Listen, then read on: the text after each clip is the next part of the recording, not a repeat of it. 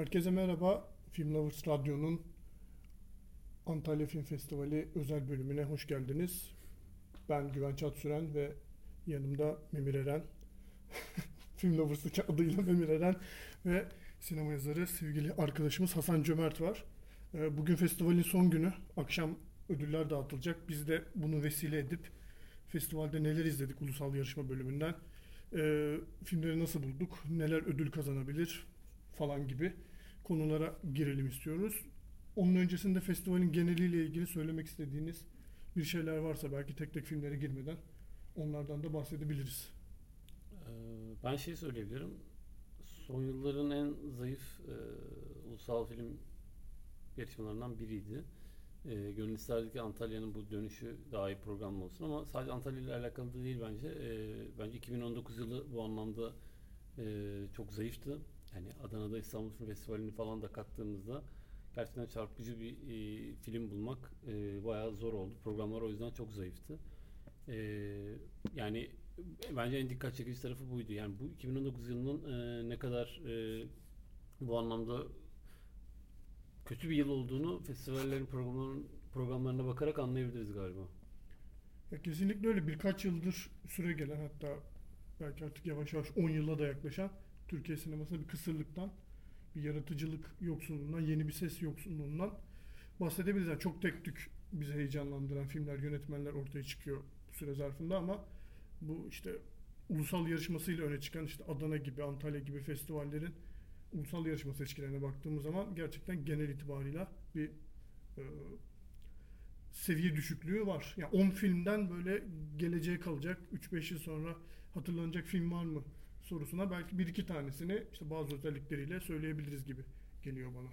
Önemli yönetmenler hariç yani hiçbirimiz herhalde iyi bir şey izlemedik. Şu yönetmeni Bilhassa- takip edelim demedik. Şu yönetmenin ikinci filmini merak ederiz demedik. Evet öyle. Ee, ne yazık ki öyle bir seçki vardı ki bence Adana'da da biraz böyle bir durum vardı.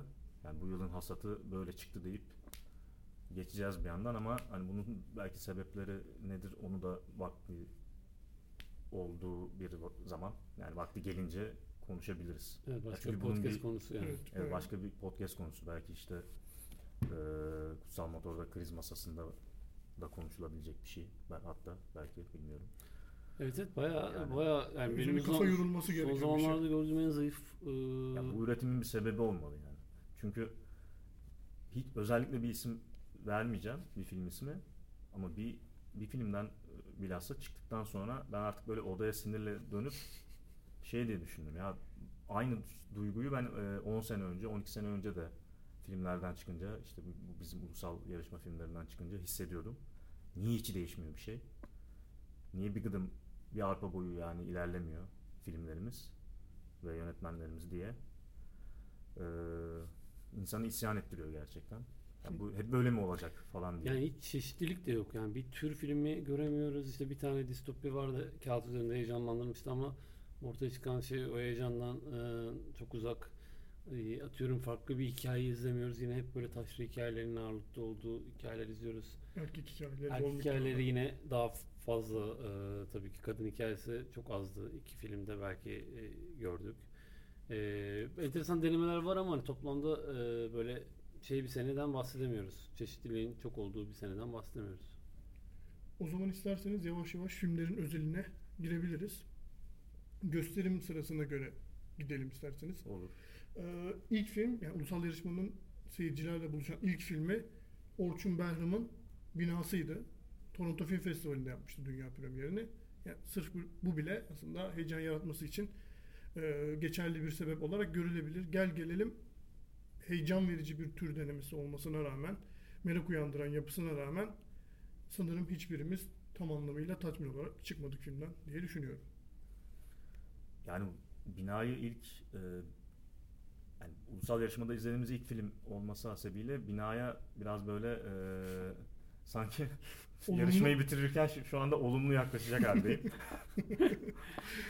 Çünkü bina ile ilgili işte hani yazı da yaz, yaz- yazılar da yazıldı. Biz de e, videolarda da konuştuk. E, o pek olumlu duygularım yok filmle ilgili. Sadece hani sinemamızda olumlu bir deneme olarak görülebilir ama yani filmin yapmak istediği şeyleri pek yapabildiği söylenemez.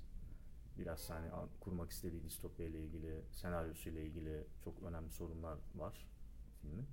Ama yani en azından şöyle bir şey var. Yani mesela 2019 Türkiye'sinde çekilmiş bir film e, olduğunu hissettiğin bir tarafı var filmin en azından.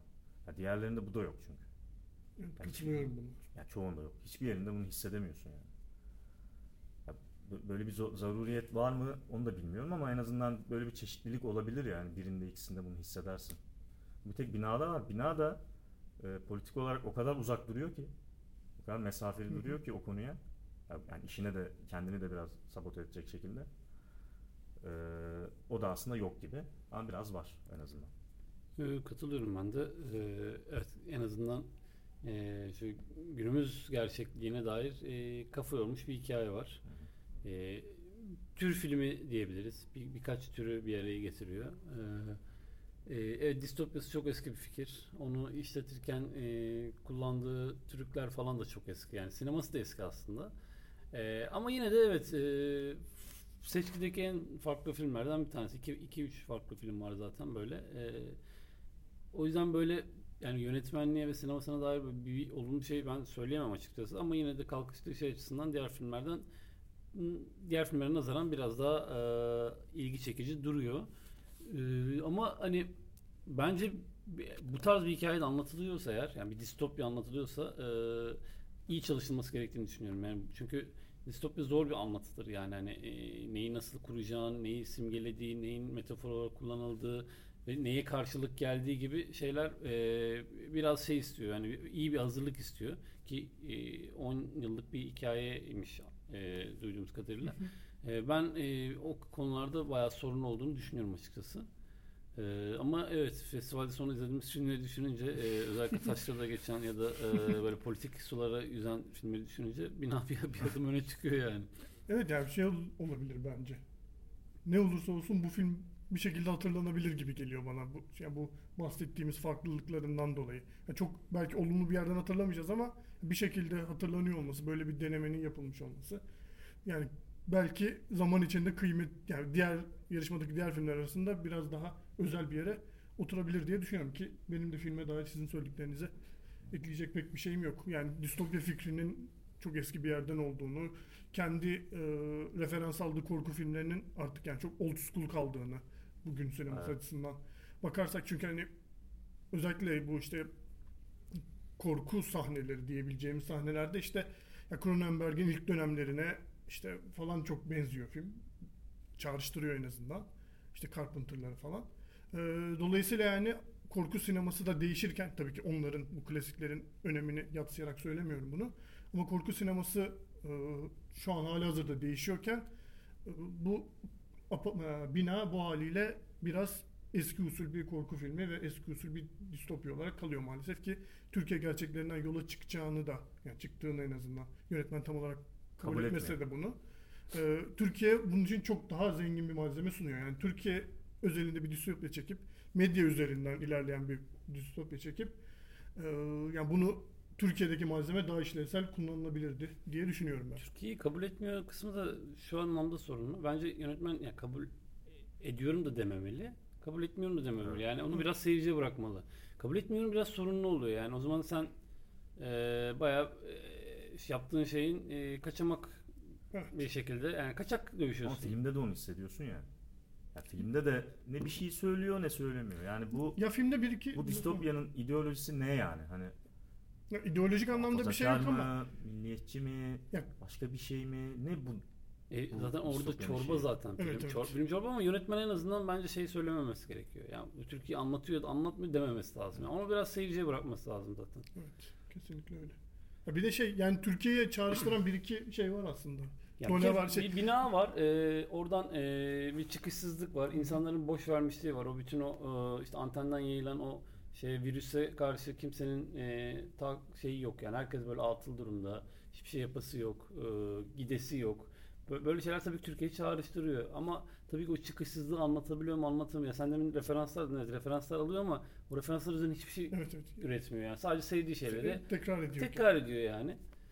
Ee, ben zaten bu tarz konularda şey düşünüyorum yani ben e, anlattığı hikayeden çok önce biraz anlatıya kafa yorulması gerektiğini düşünüyorum. Tamam Türkiye'yi anlatıyor da anlatmıyor da önce bir, bir, bir gerçekten onu nasıl anlattığın önemli yani. Diyerek diyerekten. ekleyeceğiniz yoksa ikinci filmimiz ve seçkideki ilk taşla hikayesi olan Ceviz Ağacı'na yavaştan giriş yapabiliriz diye düşünüyorum. Ee, Faysal Soysal'ın ikinci uzun metrajlı filmi. Ee, çok aslında Türkiye sinemasında artık yakası gittiğimiz taşralı erkeğin geçmişiyle, ailesiyle, babasıyla olan yaşadıkları, hesaplaşması, geçmişle yüzleşme hikayesi gibi bir anlatı sunuyor film. Ee, ne istiyor, neler düşünüyorsun Memir senin bu film konusunda? Düşündüklerini az çok biliyorum ama. Yani Ceviz Ağacı benim için seçkideki e, hala en kötü film. Benim için de öyle. Benim şahsi fikrim bu. Yani Hala, da yeni filmler gelecekmiş gibi oldu. Yani hep tüm filmleri izledikten yani sonra hepsini hala, hepsini gördükten sonra hala hepsini iyi bir film için sonra- ümidimiz var mı? hala en kötüsü benim için bu film. Çünkü Antalya tarihinin en kötüsü diyebilir miyiz? Antalya tarihinin en kötüsü değil. Daha kötü izledik. ya çünkü filmin yerine getirebildiği bazı şeyler var. İşte hani görüntü yönetimi, ne bileyim sesi düzgün. Yani sinemanın e, temel unsurlarından bahsediyoruz. olmazsa olmayacak. Yani O- olmazsa konuşmalar olmayacak. anlaşılıyor falan. Konuşmalar anlaşılıyor falan gibi yani. Ee, Ya- oyuncular oynuyor ee, gibi. Yani şu se- sebebi şu. e, bu filmi benim bu kadar kötü bulmamın sebebi şu. Ee, birincisi birçok şeyi aynı anda yapmaya çalışıyor tek bir karakter üzerinden. İşte o konuştuk belki daha önce ama hani, e, Taşra'daki erkek karakterin karakterlerin bir prototipi filmin ana karakteri Hayati ve üzerine çok şey yüklenmiş. Yani bir erkeklik kendini erkek olarak kanıtlama, işte annesine kanıtlama, babasının yükünü sırtlanma meselesi var. İkincisi işte edebiyatla uğraşıyor ve e, taşla da bununla uğraşıyor olduğu için sıkıntılar yaşıyor, e, anlaşılamadığını düşünüyor. Üçüncüsü karısıyla sorunları var ve bunu cinsel bir problem üzerinden tartış e, da öne koyuyor film. E, çünkü boşanma sebebi olarak e, eşi bunu öne sürüyor ve ya bu sadece bir şey değil. E, eşi bunu ko- işini kolaylaştırmak için yapmıyor. Evde de bunun devam ettiğini görüyoruz. Karısı üstüne üstüne gidiyor. Hadi e, hadi sene gibisinden. Korkunç bir sahneyle. Dakika. Ve Ya ka- zaten karısı bölüyorum. Kadın karakteri yani benim son zamanlarda gördüğüm en kötü yazılmış karakterlerden bir tanesi olabilir.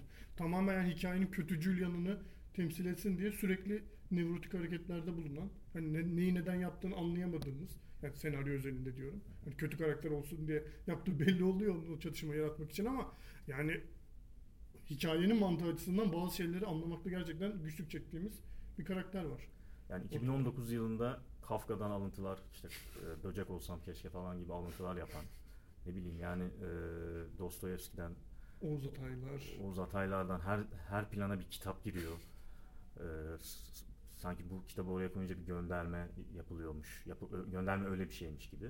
E, ve tartışmaya çalıştığı hikayenin içindeki nüvelerin hiçbiri aslında işlemiyor bir türlü, olmuyor ve en kötü yanı bence, yani benim için en büyük sorun kadın karakter. Yani kadın karakter sahneye her çıktığı anda e, böyle insanlıktan nasibini almamış birisi gibi davranıyor. Ki biz erkek karakterimize daha çok acıyalım, daha çok üzülelim e, ve ona hak verelim. Filmin sonunda da zaten bir şey oluyor ve e, sanki o da haklı. Onu da neredeyse haklı görecek gibi yani film. Ve bu, bu, bu gibi sebeplerden benim bu filmi sevmeme imkan yok. Sevenleriyle Baş başa e, baş başa mutluluklar diliyorum. Küçük bir azınlık diyorsun. Yani Ya şöyle film bilmiyorum. tüm bu bahsettiğin şeyler dolayısıyla aslında majör bir film olmaya çalışıyor gibi. Benim filmi bu kadar kötü buluyor olmamın aslında nedeni bu. Ya çok daha minimal bir hikaye anlatabilirsin Taşlı'da bir erkek üzerine. Hani böyle daha az risk alırsın. Hani bir şekilde hikayesini bağlarsın edersin. Ya film o kadar fazla konuya giriyor ki. Ya karısının ressam olmak istemesi ama çok kötü bir ressam olmak Evet. olması e, işte erkek karakterin yazar olmak istemesi onun babasının 12 Eylül ile ilgili olaylarıyla yüzleşmesi vesaire derken kocaman bir şey ortaya çıkıyor. Yani bir garabet ortaya çıkıyor neredeyse. Ya dolayısıyla bu böyle büyüklükte bir hikayenin altından zaten tek karakterle çıkmak çok zor. E, ve yani çıkamıyor. polisiyeye bile dönüyor. Evet yani politik Film- bir filme dönüşüyor, Evet. polisiye bir filme dönüşüyor. Gerçekten Her öyle. şey var yani. Ya böyle o yükleri yüklendikçe yüklendikçe senaryo bir yerde yani filmin üstüne çöküyor kalıyor yani. evet, Maalesef. Maalesef ki öyle diyerek bir sonraki filme Benim iyi ki izlemeyi kaçırdığım filmlerden biri oldu. Ee, küçük şeyler aslında daha önce konuştuk. Bilmiyorum. Üzerine yeni söylemek istediğiniz bir şey var mı? Daha önce Adana'da da konuştuk. Hem Kutsal Motor'da konuştuk hem biz konuştuk. Yani yarışmada belki şeyini evet, değerlendirebiliriz. ben de onu Ee, diyecektim. Ee, yine hani Adana'da da aynı şey söylemiştik. Ee, yarışmanın şeyi kalibresi o kadar düşük ki e, küçük şeyler o biraz daha va- vasatın e, yakın olduğu için e, belli filmlerden ayrılıyor açıkçası. Ee, en azından Ali Can Yücesoy'un oyunculuğu e, bence e, şey festivalde e, dikkat çekecektir jüri tarafından ve e, ödüllendirilebilir de. E, çok e, fazla rakibi olduğunu düşünmüyorum. E, hikayesi itibariyle bir kara komedi diyebiliriz. E, ve e, böyle ben e, yaklaştığım mevzuya yani sınıf mevzusuna ve kadın erkek ilişkilerine çok yüzeysel baktığını düşünüyorum. E, kadın karakterinin retoriğini çok zayıf kurduğunu düşünüyorum. O yüzden de kadın karakterinin ağzından çıkan her diyalog gerçekten çok kötü yazılmış. Çünkü bir retoriği yok. Yani belli ki çalışılmamış. E, tam tersi e, erkek karakterin üzerinden izliyoruz zaten. Ee, ve o hem sınıf mevzusu, hem şehir hayatı, hem kadın erkek ilişkileri üzerinden anlatılan her şey e, böyle hafif mizahi bir tonla e, anlatılarak e, bazı yerler geçiştiriliyormuş gibi düşün, duruyor ama aslında e, çok sorunlu tarafları var bakış açısı olarak. E, bir de e, ben Kutsal Motor'da da söylemiştim. E, yani Kıvanç Sezer'in gerçekten yönetmenlik olarak ben bir şeyini imzasını çok göremiyorum filmlerde. E, sadece bir hikaye anlatıyor. E, evet bu bir üçleme olarak ilkinin e, inşaat çalışan bir işçi üzerine anlatılan bir dram olması, ikincisinin kara komedi olması kağıt üzerinde e, enteresan duruyor açıkçası. Üçüncü filmi de biliyoruz e, gelecek olanı da. E, ama e, maalesef işte bu türler arasında oynayabilecek bir e, şeye kıvraklığa sahip bir yönetmen de değil. Hani oradan oraya geçişte de böyle hani imzasını e, konuşturacak bir yönetmen değil. O yüzden mesela iki filmi farklı yönetmenler çekti dese birisi bana çok itiraz etmem mesela yani. E, ilk film adını unuttum şu anda. Babamın kanatları. Babamın kanatlarıyla e, küçük şeyleri iki tane farklı yönetmen çekti dese ben açıkçası yani şey demem. Diyelim öyle bir şey ol- olamaz demem yani. Öyle bir imza yok onu anlatmaya çalışıyorum.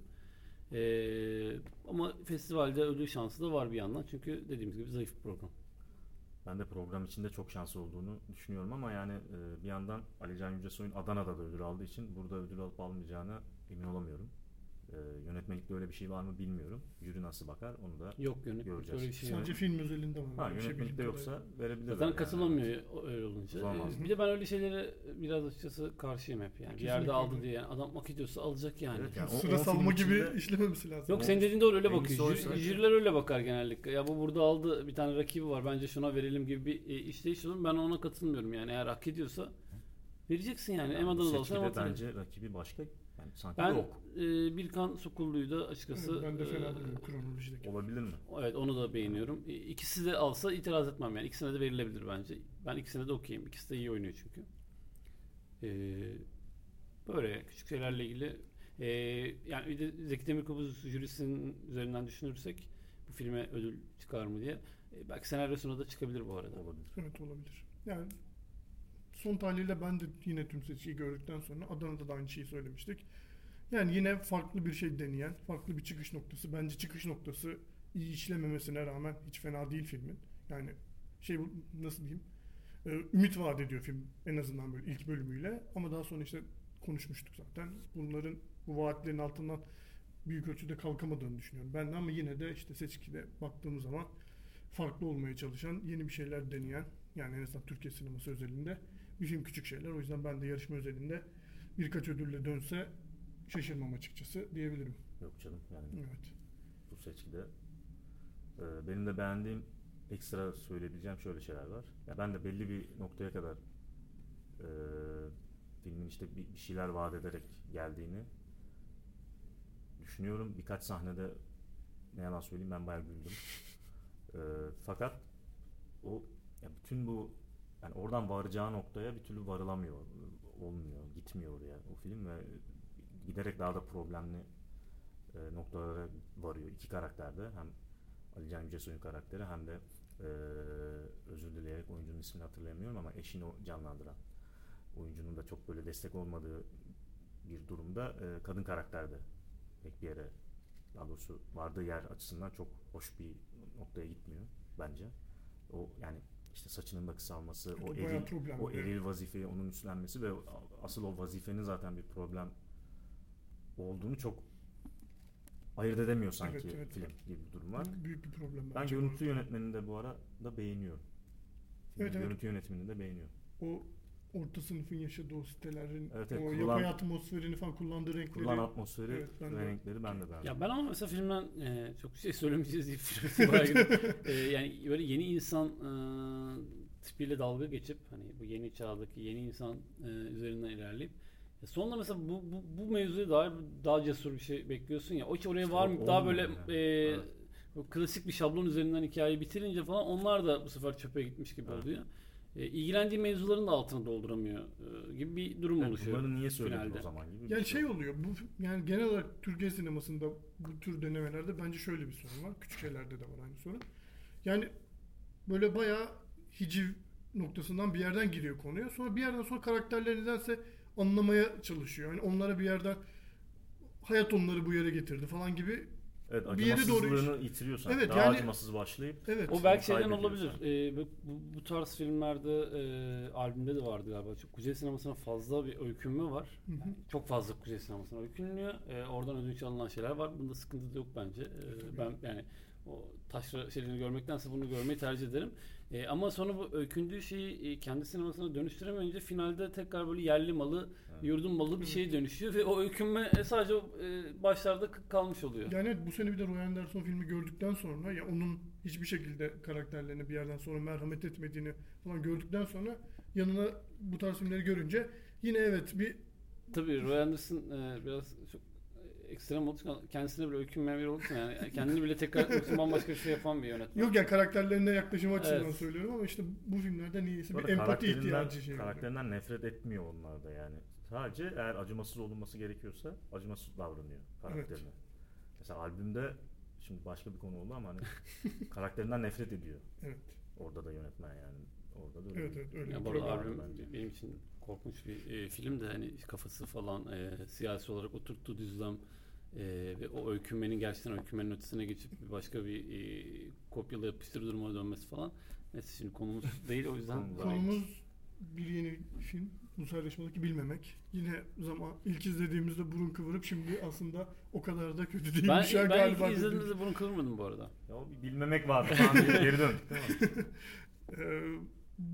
Aslında Türkiye sineması açısından iyi bir çıkış noktası var filmin. Bir tane çekirdek aile izliyoruz. İlişkileri neredeyse bitmek üzere artık duygusal veya işte cinsel anlamda bir- birbirlerine ilgisini yitirmiş ilk karakter ve onların stopu konusunda epey gelecek vaat eden oğullarını izliyoruz film boyunca. Ee, filmin aslında dramatik yapısı da bu çiftin arasındaki e, ilişkinin bitmesinden ziyade bu bahsettiğimiz stop oynayan çocuğun takım arkadaşları tarafından eşcinsel olmakla itham edilmesi üzerinden ilerliyor. Evet, eşcinsel olduğu dedikoduları Hı hı. Ondan sonra çocuğun yaşadığı e, o psikolojik çıkmazı anlatıyor aslında. Yani biraz hikaye Evet. bunun üzerine kurulu. Ve bence bu psikolojik çıkmaza e, odaklanmasının hakkını büyük ölçüde verebildiğini düşünüyorum ben en azından. Ya filmin birçok noktada yine zayıflıkları var diyebiliriz ama yani en azından böyle bir karaktere Türkiye sinemasında e, çok görmediğimiz durumda bırakılmış bir karaktere alan açması ve bunun altını bir şekilde doldurabiliyor olmasını ben kıymetli buluyorum bilmemek açısından. Ee, yani bu bahsettiğimiz genç karakterin hani hikayesi en zor kısmı filmin bence. Ve o kısım işliyor iyi. İlginç bir şekilde kolay hı. kısmı işlemiyor. Yani Evet, bu- etrafına kurduğu e, dünya annesi, babası, onların o e, birbirleriyle ve hayatta işte karşılaştıklarıyla olan ilişkisi bir şekilde şeyle çocuğun hikayesiyle birleşemiyor sanki. Aynı böyle seviyeye evet, varamıyorlar aynı gibi. seviyeye varamıyor. Aynı seviyede işlenemiyor ve birlikte yürümüyor gibi bir durum var. Halbuki zor kısım iyi işliyor. Yani çocuğun hikayesi işte takım içindeki ilişkiler e, o biraz işlemiyor. Ee, bir yandan da ben oyuncuların da bazı sahnelerin bazı açılardan altından kalkamadıklarını düşünüyorum. Ee, öyle bir problemi de var filmin. Ama genel olarak bu seçki içinde bilmemek e, bir de ilk filmini düşünürsek Leyla Yılmaz'ın e, beni bayağı şaşırtan bir film oldu açıkçası. Yani şöyle söyleyeyim benim son yılda en şaşırdığım e, yönetmenlik performansı oldu. Şu açıdan yani bir sıçrayış var. Biloş Deniz hani bilmeyenler vardır. E, gerçekten Türk sinemasının e, kültleşmiş kötü filmlerinden biridir. E, ara ara böyle açıp birlikte izlediğimiz gerçekten fecaat bir şey. Yani e, her sahnesi e, dalga geçecek kadar e, kötü bir filmdi. O yüzden e, ben bayağı şaşırdım bilmemi izlerken. Yani Allah Allah diye. Bayağı çalışılmış e, gerçekten. Kadrajlara bayağı kafa yorulmuş. E, ben de şeye katılıyorum. E, bence çocuğun hikayesi, e, çocuğun aksı e, bence iyi işliyor. Ve o, orada e, böyle klişelere e, ya da formüllere yaslanmak yerine e, çocukla arkadaşlar arasındaki o tartışmayı e, güzel işliyor diye düşünüyorum. Ee, çocuğun hakkında çıkan dedikodulara verdiği cevaplar, arkadaşlarıyla arasındaki e, mesafenin açılması, onun kendini yalnız hissetmesi, çevresiyle olan o yalıtılmış halde giderek e, orada yok olması falan ben oraların işlediğini düşünüyorum. E, karı kocalar arasındaki şey biraz daha zayıf. E, orada çok bir şey üretememiş. Standart bir birbirinden uzaklaşmış çift izliyoruz. E, orada e, kadına bakışını sorunlu bulanlar var. Ama ben e, iki tarafı da fazla acımasız davrandığını düşünüyorum. Yani ebeveynler olarak ikisine birden e, gömdüğünü düşünüyorum yönetmenin. E, ben e, açıkçası e, fena bulmadığımı söyleyebilirim. E, kadına en acımasız davrandığı kısım bence e, Facebook fotoğrafıyla kendisinin alakası olmadığını gördüğümüz avukat karakter. yani film aslında bence Türkiye ile orta sınıfa dair yani iyi fena saptamaları yok. Hani hala Facebook kullanıyor olmasından tut da evet. e, işte mülteci sorununa bakışına kadar bayağı hani doğru yerlerden temas ediyor bence o sınıfa ki bunun da aslında dertlerinden biri olduğunu düşünüyorum ben filmin. Ki bunların tamamı da işte çocuklarıyla olan ilişkiye de yansıyor. E, dolayısıyla evet yani tüm seçkiye baktığımız zaman bilmemeyin e, bu bahsettiğimiz akslardaki teklemeler dışında genel genel itibariyle el yüzü düzgün. Hani demek istediğini, yapmak istediğini büyük ölçüde başaran bir film olduğunu düşünüyorum ben. Ee, çocuk kaybolduktan sonra bence yine böyle cesur birkaç hamle ihtiyaç varmış ama evet. o yok filmde maalesef. Ee, orada bayağı şeye bağlıyor artık. Standarta bağlıyor. Hı hı. Ee, işte evet, çocuk kaybolduktan sonra hikaye bitiyor. Evet. O, oradan sonra bir şey üretemiyor. Evet. Ve, ve yeterince e, o şey ve sonrası hissi hiç olmuyor yani. Daha sert şeyler ben de bekliyorum. Bir de zamanını da orada hissedemiyor. Çocuk kaybolduktan sonra geçen zamanın aile üzerindeki etkisini göremiyoruz. Onu orada birkaç diyalog üzerinden anlatıyor. Hani 18 kaç gün geçti, 18 gün geçti gibi hani evet, böyle çok kolaycı Çünkü yok şeyler. Şey. O zaman hissiyatı geçmediği için öyle yani sonrasıyla ilgili pek bir fikri yok gibi filmin bir aslında. De evet. belki, belki e, sonda çocuğun kaybolduğu anla bitse film, öyle kurgulanmış olsa belki biraz daha etkileyici olabilirdi. Çünkü sonra üzerine kafa yorulmamış yani. Anne babanın şeyi üzerine hiçbir orada bir buluş yok yani. Ya orası işte çok böyle biraz da böyle benim de beğenmediğim mesaj kaygılı bir bölüm olmuş yani. İşte böyle sonra üzülürsünüz diye. Garip bir durum. Evet. Yoksa yeni söylemek istediğiniz şeyler? Yok şeyim yok. Biraz da hızlandırmak adına çünkü listemiz kabarık. Evet. Ee, Omar ve biz sizler izlemediniz. Ben izlemedim o yüzden sen. Ben izledim kısaca bahsedeyim. Yönetmenlerin adını yanlış söylememek adına tekrar kontrol ediyorum. Marina Ergorbaç ve Mehmet Bahadır Er'in birlikte çektikleri film ee, Omar ve Biz. İlk başta şunu söyleyeyim. Kutsal Motor'da videoda söylemeyi unuttuğum bir detay. Film aslında e, bir emekli askerin hayatına dahil olan iki mülteciyi iyi anlatıyor. Yani onlar üzerinden anlatıyor hikayesini.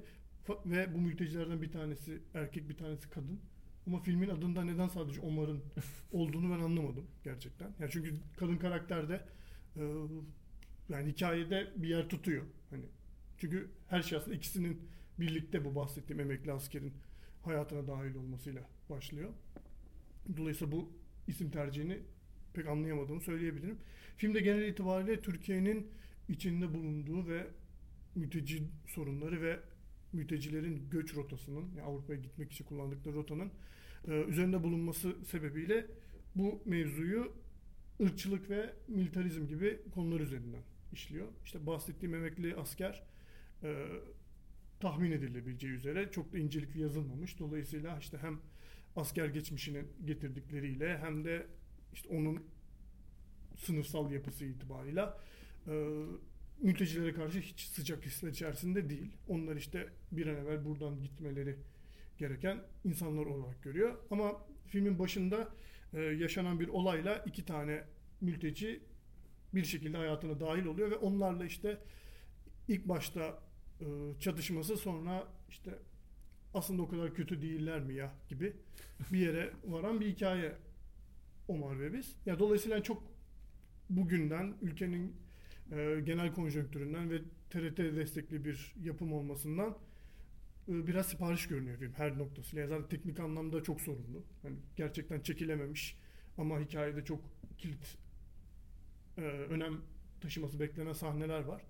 E, ve de yani en büyük yani tüm bunların da ötesinde bence filmin en büyük sorunu e, işte militarizm, işte erkeklik, ırkçılık, işte mültecilere sorumlu bakış gibi konular üzerine bir şeyler söyleyecekmiş gibi yapıp ki aslında onlara da çok basma kalıp bir yerden söylüyor söyleyeceğini ama e, finale doğru aslında Türkiye'nin e, ve dolayısıyla da iktidarın göç politikalarını neredeyse olumlayacak bir noktaya varıyor ki bu bayağı sorunlu bir şey. Hani bunu daha da açmak için yani böyle filmin sonunu falan anlatmam gerekiyor. O yüzden çok oralara girmiyorum ama dediğim gibi işte devlet destekli, TRT destekli, Kültür Bakanlığı destekli bir film olarak e, yani o pakete dahil bir film olarak Ailemizin bu, mülteci filmi. Gibi bir şey yani. Çünkü bir yerden sonra işte bu çatışma kurulurken ondan sonra bu e, mültecilerin kurtuluşunu işte böyle devlet kurumları aracılığıyla falan yaptırıyor gibi bir yerlere gidiyor. Hani çok oralar gri de olmanın ötesinde neredeyse siyahlaşan bir yapısı var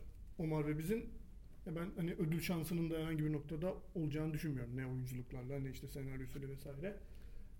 Sonraki filmimiz Aşk ve Büyü. Aşk ve Büyü. Ümit Ünal'ın belki de programdaki en çok merakla beklediğimiz filmlerden bir tanesiydi. Ümit Ünal'ın yeni filmi olması sebebiyle. Ee, düşük bir bütçeyle çektiği, kısa sürede çektiği e, Büyük Adada geçen tamamen iki kadının aşkı üzerine kurulu bir e, film, aşk büyü vesaire. E, ben hani girdim madem söyleyeyim bir şeyler. e, ya ben Ümit Ünal'ı her daim açıkçası e, zevkle takip ediyorum. Çünkü hakikaten e, yeni hikayeler düşünüyor.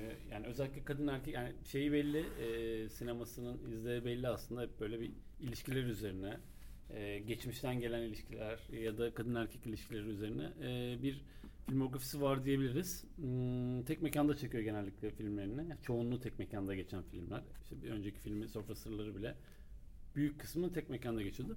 Bu kez tamamen e, dışarıda geçen e, ada sokaklarında e, ama yine izole bir yerde yani. Evet yine izole bir yer aslında yani yine tek mekan diyebiliriz aslında ama en azından e, kapalı mekan değil biraz daha alanı var e, iki kadının yıllar sonra e, karşılaşmasını anlatıyor. E, ben açıkçası hemen şey söyleyeyim, yani Kutsal Motor videosunda da aynısını söylemiştim. E, ben e, biraz daha e, yönetmenlik olarak e, böyle çok dokunuş isteyen sahneler var. Yani çok, çok büyük e, duyguların yaşandığı sahneler var ve bu duyguları anlatırken e, böyle alelade geçiyor bazı sahneler. O yüzden duygu da e, seyirciye çok geçmiyor gibi geliyor bana.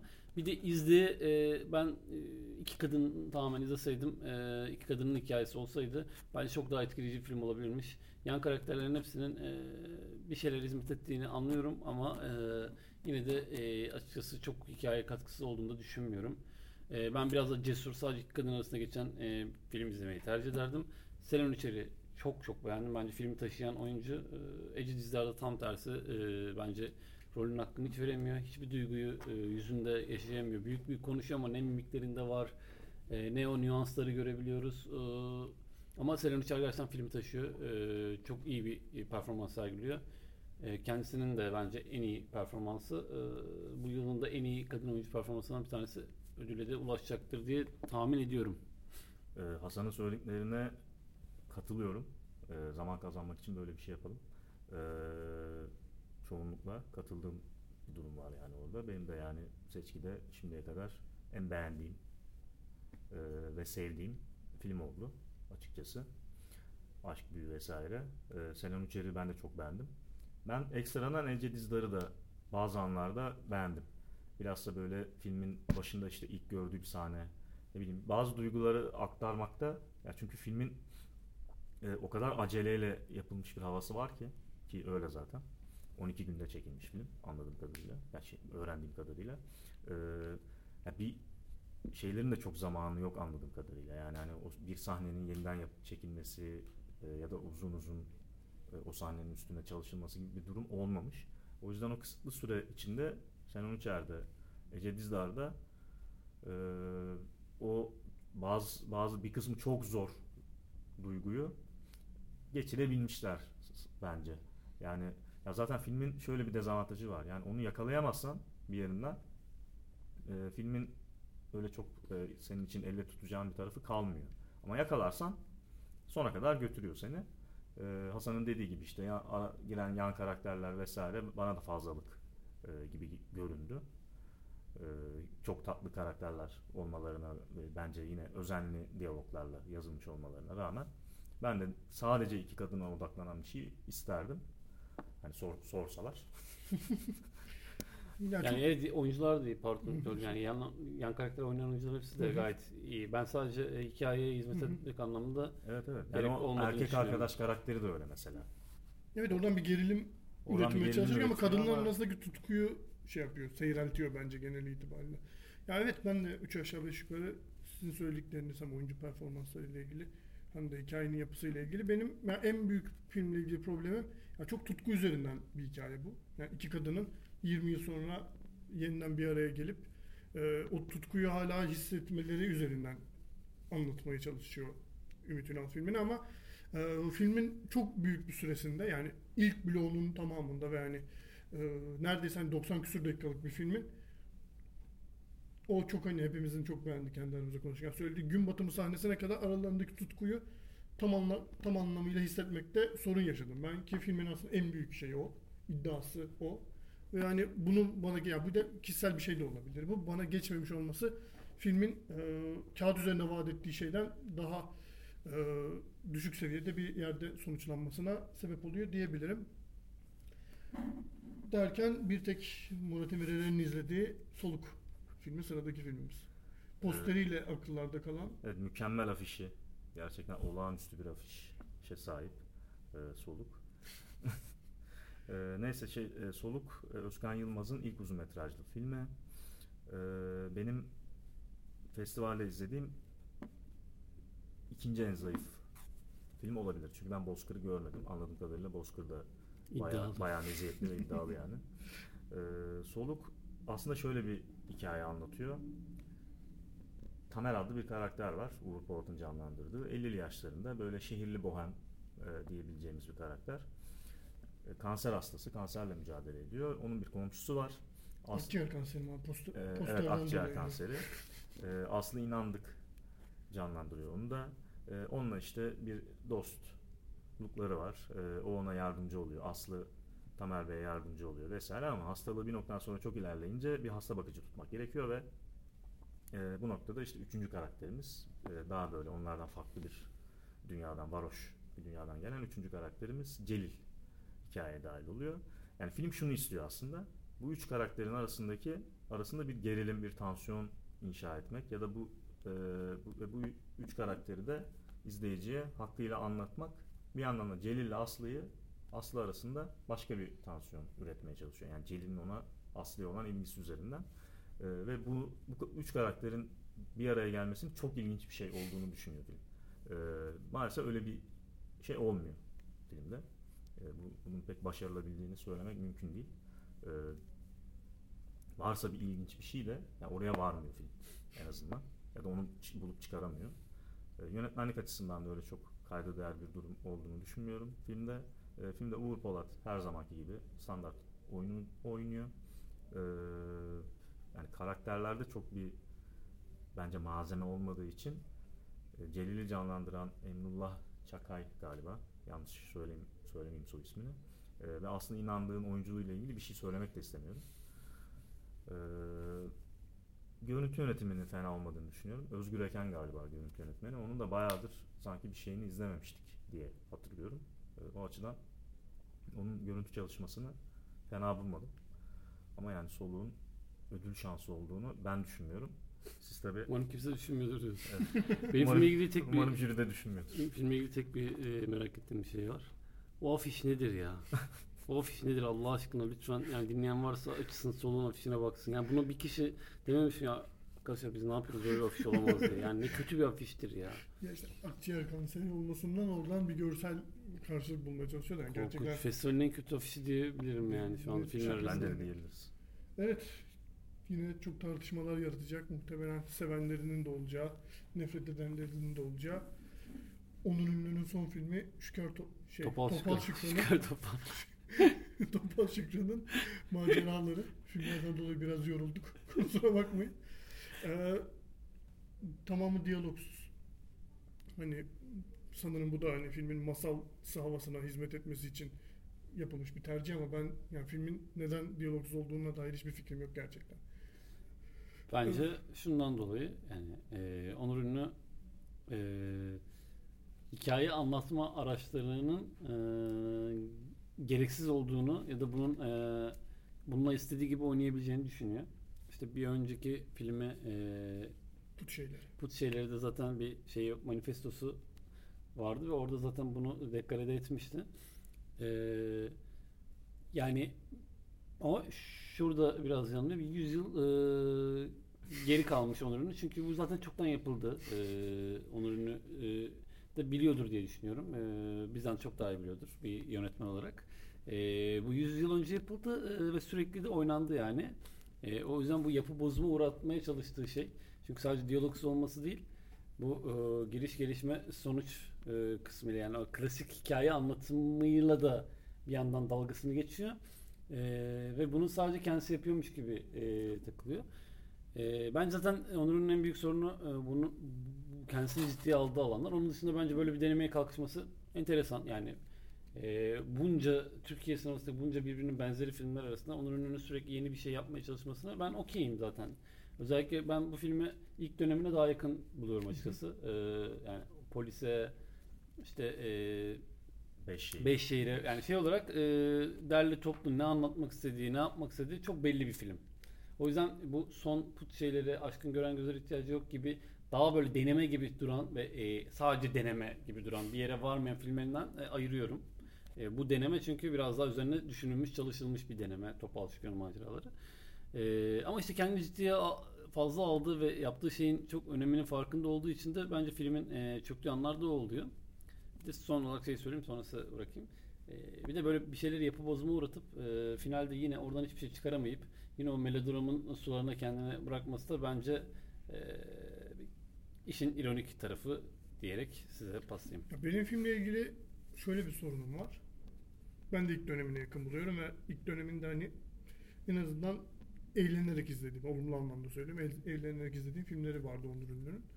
Ee, ama ya burada hani yapı bozumu meselesini, bu işte anlatı yapısını, işte anlatı konvansiyonlarını, işte giriş, gelişme, sonuç dayatmasını e, ortadan kaldırma yöntemini ben yani anlayamadım. Çünkü sadece araya giren ara yazılar üzerinden bunu yapıyor. Çünkü film aslında başı olan, ortası olan, sonu olan klasik bir hikaye anlatıyor gibi göründü bana. Yani put şeyleri e, nasıl diyeyim yani sadece deneme olarak görelim, görmeyelim o başka bir tartışma. En azından bu konuda hani anlatı yapısı şey ortadan kaldırılacaksa bunun put şeylere daha iyi çalıştığını düşünüyorum.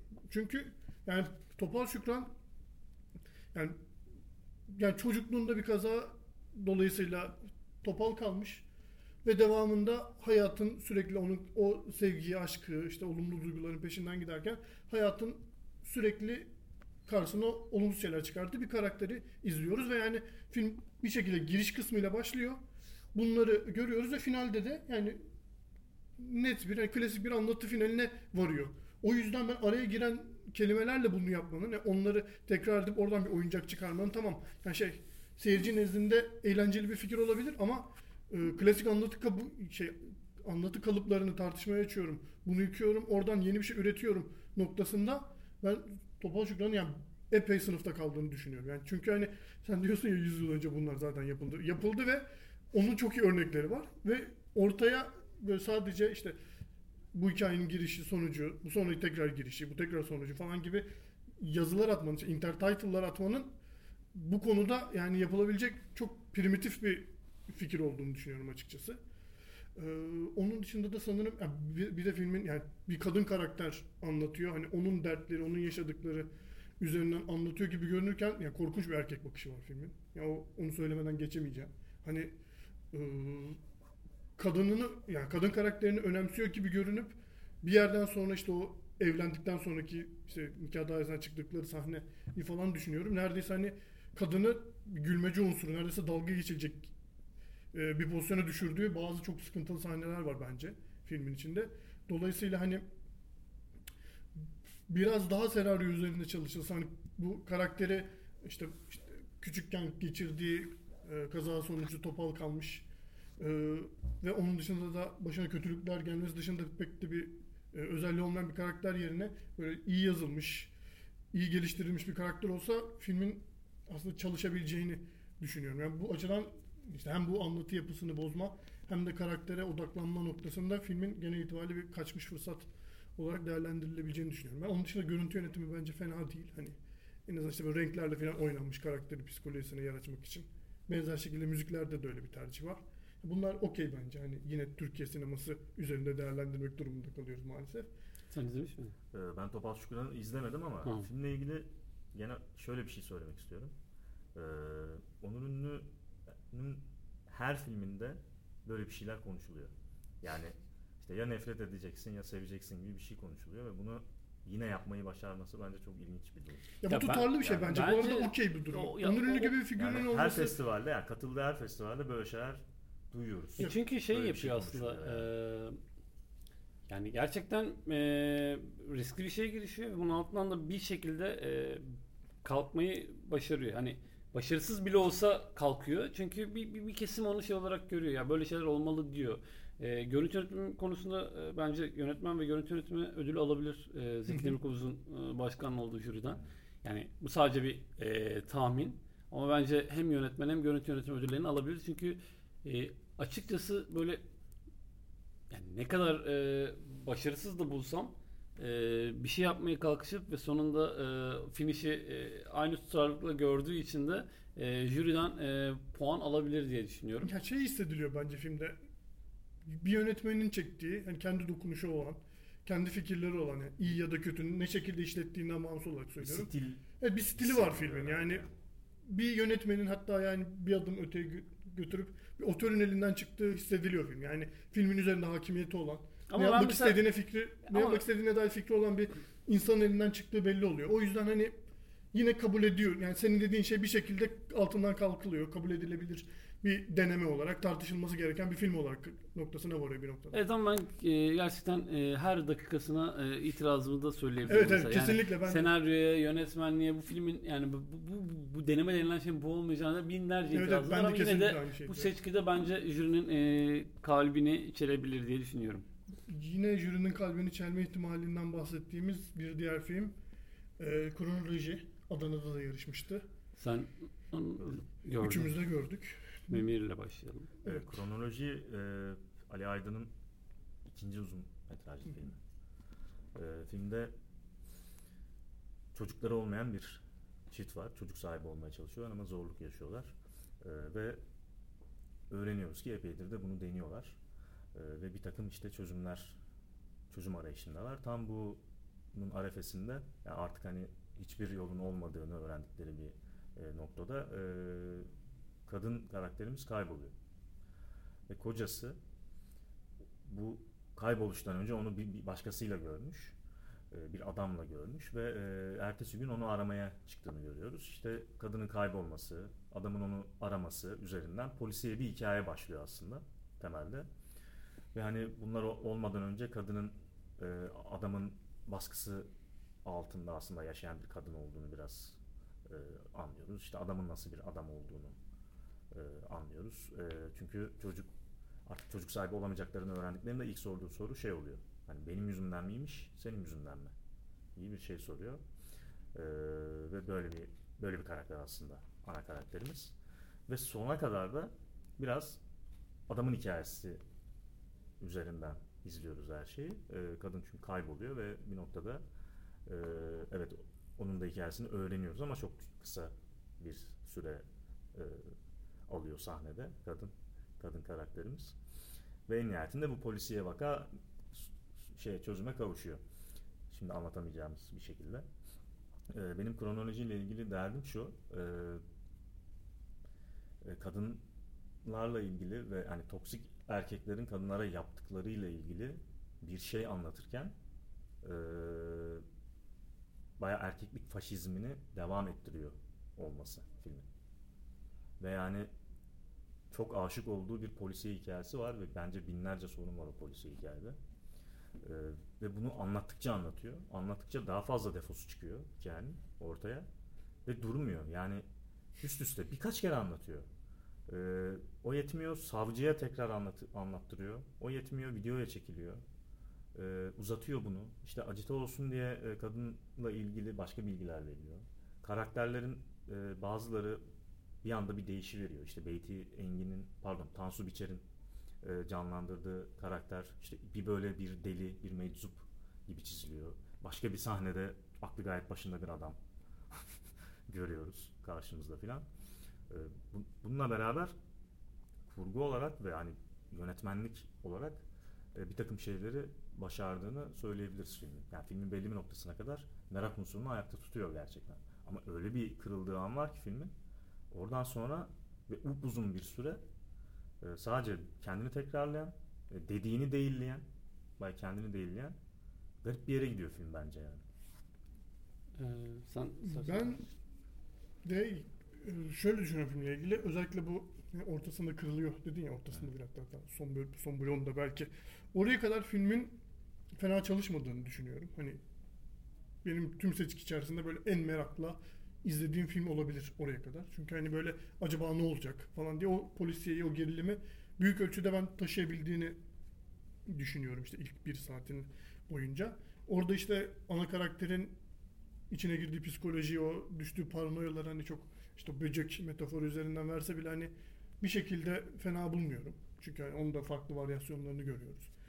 Ee, ama bir yerden sonra o hikaye kırıldıktan sonra yaptığı twist'in kendisine aşık bir film olduğunu düşünüyorum kronolojinin. Yani bir de o twist dediğin gibi yani o kadar basit bir noktadan kuruluyor ki yani aslında böyle olmuştu ya falan gibi basitlikte böyle o bu şakacılıkta bir şekilde aslında böyle olmuş diyecek bir malzeme de yok. Ha işte onu da bir oraya Ve getireceğim. anlattıkça daha da kötüleşiyor. Hayır yani Evet. öyle detaylar gösteriyor ki bize. Yani gör- gerek yok görmesi. Tamam okey aslında böyle olmuş da ve bitir yani. O detayları niye görüyoruz mesela? Ya evet ondan sonra bu kırılımdan sonra karakterlerin psikolojilerini daha da açmaya çalışıyor ama o kadar hani gereksiz detay içerisinde boğuldukça e, film bence hani kayboluyor gidiyor. İlk, ilk bir saatte yapabildiği e, şeylerin de önemini azaltıyor. Çünkü bu işte toksik erkeklik meselesi üzerinden konuşacaksa da ben filmin hani Adana zaman çok konuşulmuştu bu kadın düşmanı olduğuna dair hani fikirler vardı. Ben ona çok katılmamakla birlikte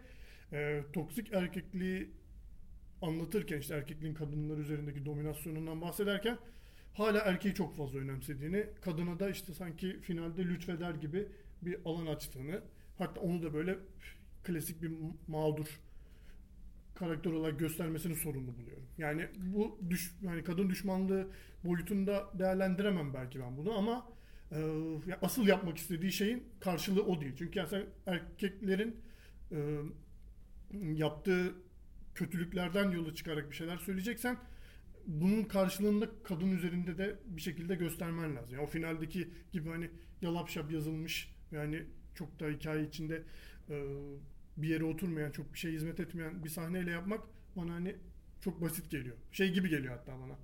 Bu hikaye işte kadınlarla ilgili, kadının şiddetle ilgili bir hikaye anlatıyorum ama bu filmde kadın hiç yer olmadı. Şöyle bir sahne yazayım gibi görünüyor bana o sahne. Ya ben de ikinizde de katıldığım yerler var. Ben de e, o ortadaki o e, twist'i gördüğümüz yere kadar ben filmin e, gayet merak ettirdiğini ve ritmini falan iyi buluyorum. Gerçi iyi çekilmiş birkaç tane iyi- sahnesi iyi bir- var. Bence İyi. oraya kadar kurgusu da çok güzel. Evet, evet yönetmenlik falan her şey orada işliyor bence. Ee, ben Birkay'ı da e, Birkay Sokul'un Birkan Birkay ne ya? Birkan Sokul Birkan Sokullu'yu da e, gerçekten çok beğendim. E, yani son ana kadar beğendim. Çok iyi oynamış ya. Yani hiç hiç böyle abartıya kaçmadan, büyük büyük oynamaya çalışmadan bütün o duyguları hani o baştan sona vermiş ama işte e, onu düşüren sahneler bence işte iki tane arkadaşını oynayan oyuncu, onlarla o sahneler, oralar korkunç, onları sonra çatıda gördüğü sahne gibi böyle gerçekten çok kötü yazılmış sahneler var. İşte orada da şey yapmaya çalışıyor sıra. İşte çocuk e, kimin yüzünden olmuyor muhabbetini böyle toplumsal olarak e, o toplumun bütün her yerine nüfuz etmiş o e, iki yüzlülüğü ve erkek e, bakışı göstermeye çalışıyor ama ya o kadar eski bir kafa ki o. E, zaten bence oyunculuklar da yani oralarda düşüyor. Mesela Serkan Keskin niye o kadar fazla görüyoruz mesela? Yani Serkan Keskin oynadığı şey e, polis, Polis. karakterini niye o kadar görüyoruz gibi sıkıntılar var. Ben de e, o fikre çok hayran kaldığımı düşünüyorum. Zaten orada jeneri kocaman yazıyor. Yani ben çok büyük bir şey yapıyormuşum gibi ama yani ama yani biri de dememiş mi yani sen e, bu kadar film çekiliyor bunu e, o kadar iyi yapan film var. Onların onda birini bile yapamıyorsun fikir düzeyinde. Hadi bu iş böyle değildi dedin. Okey. E, ondan sonra bize niye zaten bildiğimiz şeyleri gösteriyorsun. Yani orada başka bir manevra gerekiyor. Hani ben mesela orada şey sandım. Yapılabilecek manevra. Alternatif bir hikaye anlatabilirdi. Evet, hani evet, gitmeseydik ben, ben gibi. de böyle linç linçvari bir şey mi olacak? Aynen acaba ya da kadının hikayesini izleyebilirdik. Hani Sadece. mesela oradan itibaren kadının e, o, o da yok. Biz hala adamı izliyoruz. Yani dediğin gibi e, kadın düşmanı bana da biraz ağır geliyor çünkü aslında tam tersi şey yapmaya çalışıyor. Yani e, bu erkeklerin e, e, kadınlar üzerindeki tahakkümünü ve yani böyle daha daha şey bir sınıfta bile mimar bir e, böyle yolda gördüğünde saygı göstereceğim bir karakter üzerinden daha üst sınıftan e, o psikopatlığı göstermesi, e, o soğukkanlılığı, o hani o erkeklik mevzusu hani o çocuk mevzusundan başlayarak o tamamen kadın üzerindeki e, hegemonyasını göstermek açısından bence e, yapmak istediği anlaşılıyor ama dediğiniz gibi yani anlatı da tam tersine hizmet ediyor. Yani kadını yok ediyorsun. Kadının adı yok, görüntüsü yok. Cemre Ziya yani filmdeki 5. oyuncu olabilir. Yani baş ikinci sırada yazmasına rağmen e, tam tersine bir de onu en sonunda bir de mağdur konuma sokuyorsun. Böyle acınacak hale sokuyorsun. Yani hikaye inanılmaz bir yere gidiyor ve gerçekten e, tamamen e, bir erkek anlatı olmuş oluyor ortaya çıkan şey yani. Yine kadına daha da e, sanki böyle üzüntü verici bir duruma düşürebilmek için yine kadının bebeğini kullanıyor. E, aynen Ya işte. bu çok gerçek. O biraz çok Ya bir, yet, problemli bir bir, yeti tercih versin o. artık yani bu kadınların hamile olmasıyla bebekleriyle e, uğraşmanız ya şeyde de var çünkü aynısı ceviz ağacında da var. Ya yine evet kadını Onda da aynı şeyi kullanıyor ve yani bir, kadın yine annelik üzerinden, anne olup olamaması üzerinden kuruyor kadına olan Yani- bağlantısını da yani. o- bu böyleydi böyleydi zaten korkunç bir şey yaptın. Bir de biliyor musun anneydi. Ya bir de bunu söylüyor yani Bir de senin, senin film boyunca söylediğin her şeyi zaten birinci bölümde söylemişsin zaten. Evet.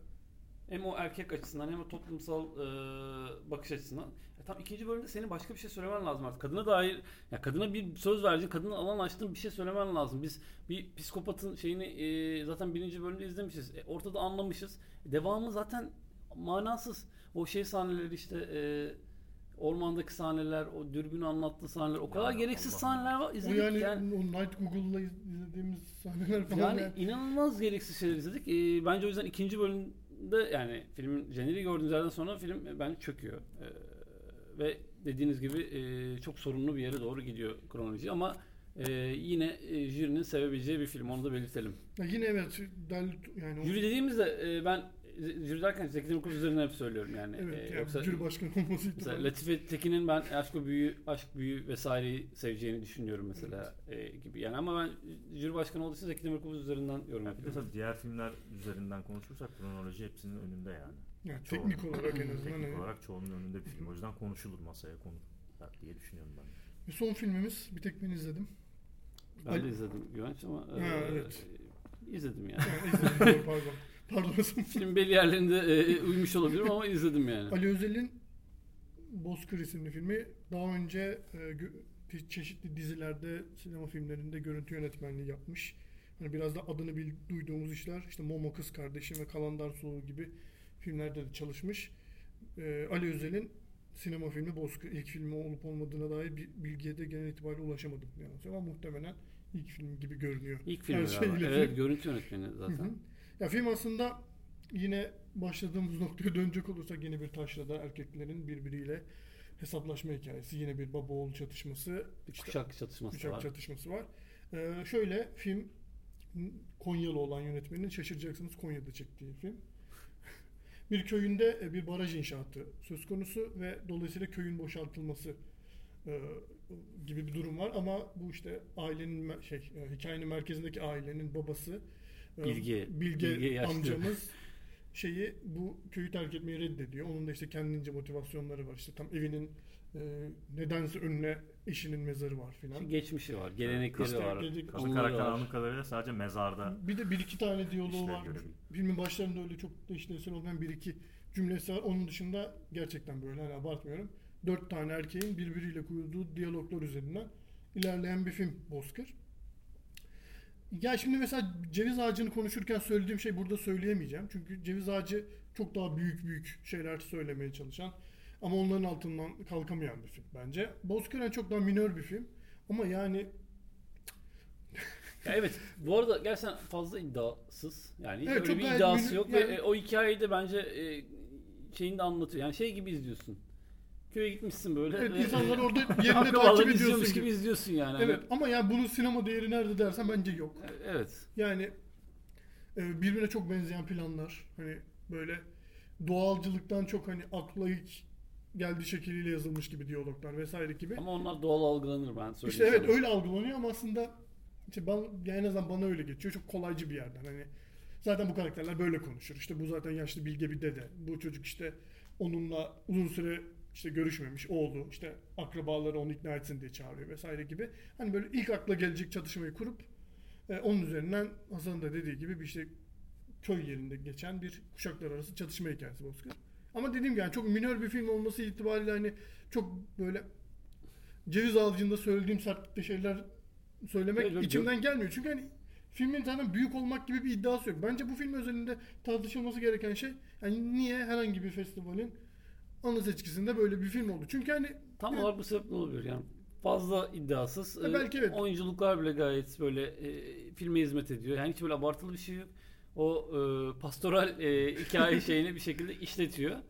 E, e, teknik anlamda kusurlarını da işte doğallıkla Evet. örtüyor. Yani mesela olabilir. filmde işte o bahsettiğimiz baraj, baraj inşaatı sebebiyle hani bu boşaltılması istenen evin işte sular altında kalacağına dair bir böyle hani şey var.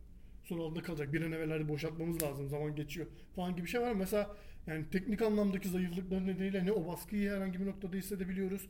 Ne işte filmin finaline doğru bir yağmur, çok şiddetli bir yağmur yağıyor ve dolayısıyla işte o beklediğimiz sel geliyor ama o sahneyi yani neredeyse hani çekmemiş bile yönetmen. Hani böyle çok basit bir yerlerden ucuca geçiriyor sahneleri ve hani işte sel oldu, o beklediğiniz sel oldu gibi oluyor. Ama yani dediğim gibi çok zaten amatör şartlarda yapıldığı işte oyunculuklarından eee, işte o planlarına, görüntü yönetimine kadar hissedilen bir film. Dolayısıyla hani yerden yere vuramıyorum ben ama hani bir hafta sonra bile bu filmi hatırlamayacağım yani öyle bir problemi var filmin genel itibariyle diyebilirim. Evet, Bitti mi ya? seçkimizi 10 filmlik seçkimizi bitirdik. Çok da uzadı sanırım podcast. Evet. En iyi filmini kime veriyorsunuz diye sizlere sorarak bitirelim. Tahmin değil ama sizin verdiğiniz. filmi Tahmin yapmıyoruz. Kim alır değil. Kim almalı? Ya Kim almalı? Yani sen jüri başkanısın, Zeki Demirkubuz'sun. Ben açıkçası jüri başkanı olsam bayağı zorlanırım. Evet çok Ee, zor. çünkü o yüzden, gerçekten o yüzden böyle daha çatışmalı bir soru benim sormak şöyle alsın diyebileceğim bir film e, maalesef yok bu kadar sevdiğim ama e, bilmiyorum ya bayağı zor hakikaten bayağı zorlanırım yani aşk büyü vesaire bilmemek küçük şeyler ya bu üçü alırsa okey zaten daha şeyi yoktu derim. E, ama Topal Şükran alırsa da e, neden alındığını anlarım. Kronolojiyi e, alırsa bayağı tartışma yaratır. E, ama onu da anlarım. E, geri kalan filmler bence çok e, şeyi yok gibi İslam'daki sanki. İslam'daki okunmayacak gibi. Azından bazı Ee, yani hikayesi ve yani va- vaatlerini iyi kötü yerine getirebiliyor oluşu nedeniyle ben kendim böyle bir karar vermekle yükümlü olsam aşk büyü vesaire diyebilirdim. Ama bir şey söylemek için e, yani, bir jüri kararı bir şey de söylüyor ya. Bakın yani bu biz bunu ödüllendirdik. Çünkü gelen filmler şöyleydi. Yani ileride de sanki böyle bir şey olsa. Yani bu, bu da tam olmadı ama bu olsa gibi bir şey söylemek gerekirse belki bilmemekte. ilginç bir tercih olabilir. Evet, ben de tam bu nedenlerle sanırım bilmemeyi tercih ederim diye düşünüyorum. İnanılmaz geldiğimiz nokta.